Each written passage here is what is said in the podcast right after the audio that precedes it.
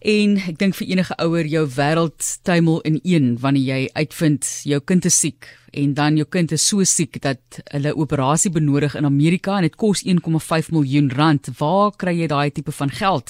En sy is ook 'n onderwyser so terloops wat met ons gesels oor die plan wat sy gemaak het. Sarisha Du Plessis is saam met ons op die lyn en pannekoek soos ek sê was die antwoord. Pannekoek deeg verkoop en die mikpunt 1,5 miljoen soos ek nou al 'n paar keer genoem het. Sarisha baie welkom. Baie baie dankie Martelies. So, van die van die eerste oomblik wat jy gehoor het jou kind is siek, dit dit is verskriklik om daar te sit in die eerste plek met daardie nuus en dan te besef dat jou gewone mediese fonds gaan dit nie dek nie. Daar is hierdie operasie beskikbaar. Is eintlik altyd vir my tragies om te weet dat daar is mediese diens beskikbaar en oplossings vir iemand om 'n lewe te red en vir baie mense net buite bereik. Ja, ehm um, ek moet sê dat ehm um, ons het nooit eers regtig tyd gehad om um hartseer te wees oor die hele situasie nie. Ons moet net planne maak en die mediese fonds was maar een van ons probleme gewees. Um en toe ek besef dat ons nie regtig hulp gaan kry van hulle nie, um toe moes ek myself 'n plan beraam want dit was nie vir my 'n opsie om die operasie te laat gaan nie. Pannekoek deeg. Sarisha, ja. waar waar daai idee toe na vorendag gekom want jy weet jy dink aan pannekoek en dink jy 'n paar rande pannekoek en is 'n ja. klomp werk en jy het 'n uh, miljoen en 'n half om te bereik. Ja, nee, dit was ehm um, dit was vrees aan Johan. Ehm um, vandat ek groot word het my ma hierdie ongelooflike resep gehad. Sy was ook self 'n onderwyseres en ehm um, sy het altyd so baie sport daar en so aan iets aangebied om ehm um, pannekoek te bak en dan sy die resep gehad wat ehm um, deeg maak om so baie pannekoeke te bak dat dit daar die hele dag ehm um, kon help. En toe ek agterkom dat pannekoek bak gaan regtig nie vir my 'n langtermyn oplossing wees met hierdie fondsinsameling nie. Ehm um, toe besluit ek dat pannekoek deeg is dalk die oplossing en dat mense dit self kan bak op hulle eie tyd. Ehm um, en ja, dit het dit het oornag was net 'n sukses gewees en die gemeenskap het so saamgestaan um, ek wil amper sê die pannekoek deeg was 'n byproduk en dat almal net so graag vir Marcus wou gehelp het en ja, ons het op 'n tyd het ons 600 bottels 'n dag verkoop. Sjoe. Ja. Vaderland, Sarisha Fatou sê toe daai oomblik of daai tyd wat Marcus, 3-jarige Marcus toe nog gediagnoseer is. Jy sê jy het eintlik vandat jy swanger was vermoed iets is fout. So vertel vir ons net van daardie pad tot hy op 3 jaar gediagnoseer is.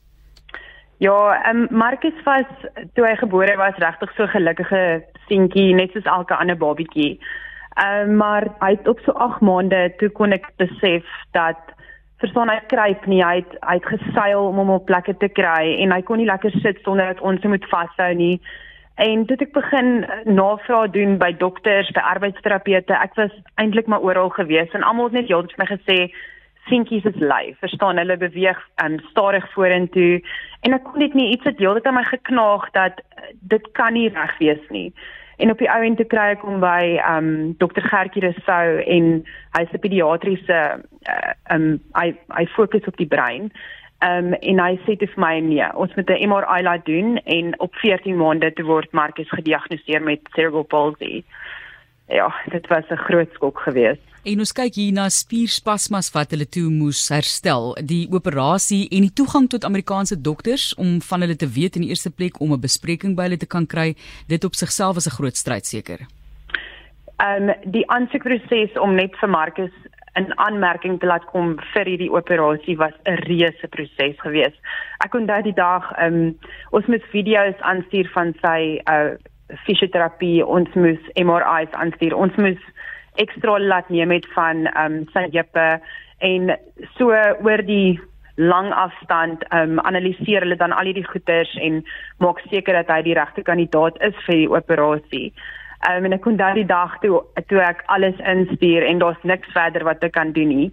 Toe ek letterlik net so op my arms gaan lê voor my rekenaar en begin huil van ek dink dit was verligting en uitputting alles gelyk, maar ehm um, dit is so groot proses. Ek het gister daar is natuurlik ouers wat nou baie navraag doen en ek sê toe gister vir die een mamma dat ek dink die die uitmergelendste proses vir my was die aansoekvorm omdat hulle so ver is veral. Ja, en ek, dit is antwoorde wat jy nie altyd het nie om daai vorm nee, in te vul. Jy weet dit is nee, gespesialiseer. En, en jy moet van vooraf leer van die die nare goed wat cerebral palsy doen en Ehm um, ja, dit het dit het ons net weer teruggesit op daai plek waar waar mense besef, jy weet, ehm um, jy kan dit so baie ehm um, goedjies wat voor hom lê in die lewe wat hy nog moet bereik en wat hy gaan sukkel om te bereik. Ehm um, want daar is ongelukkig nie ehm um, om 'n Engelse woord nou te gebruik, daar's nie 'n cure vir cerebral palsy nie.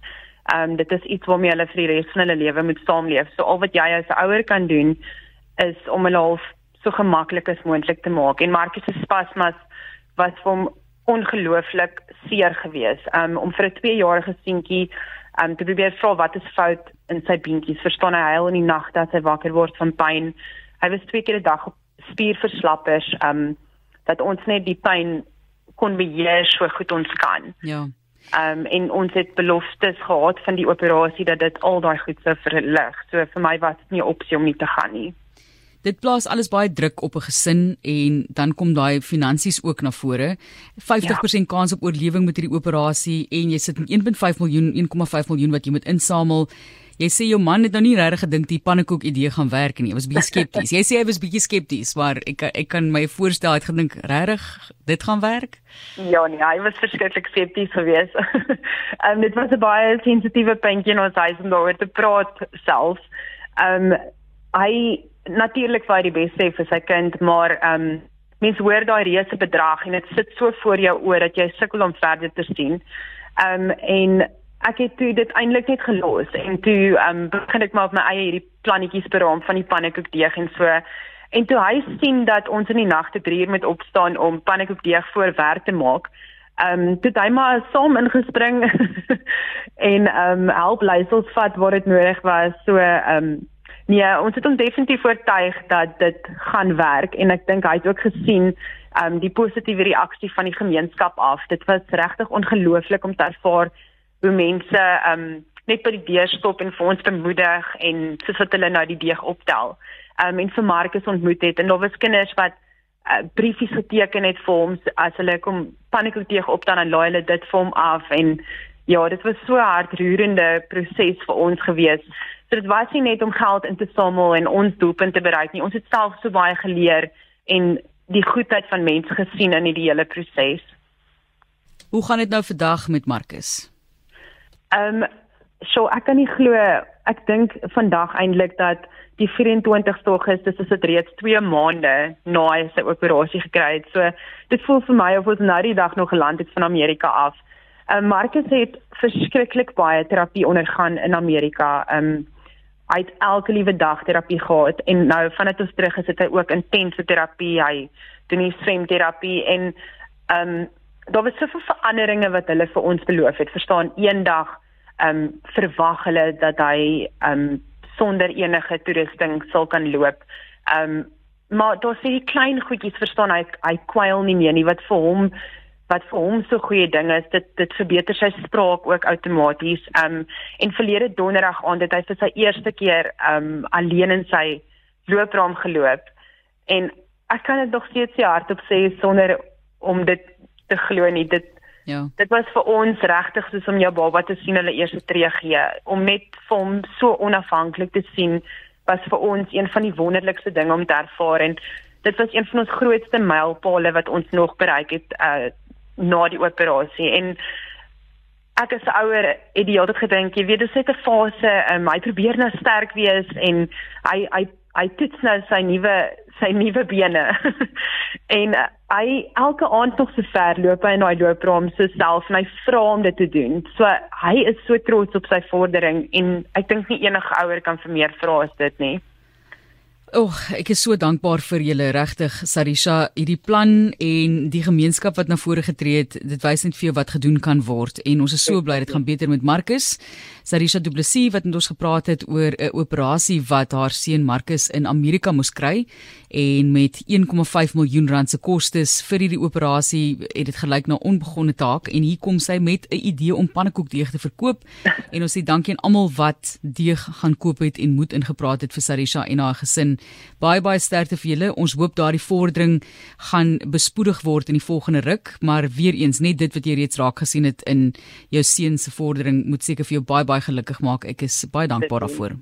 Verskriklik baie dankie vir julle. En ons verkoop nog steeds verwoed pannekoekdeeg vir sy terapie en so aan. So mense is welkom nog steeds. Hou aan ondersteun mense, hou aan ondersteun. Definitief, definitief. Marcus dalk kan dalk die wêreld verander eendag. Ons sê vir jou baie dankie Sarisha en sterkte by die skool weer.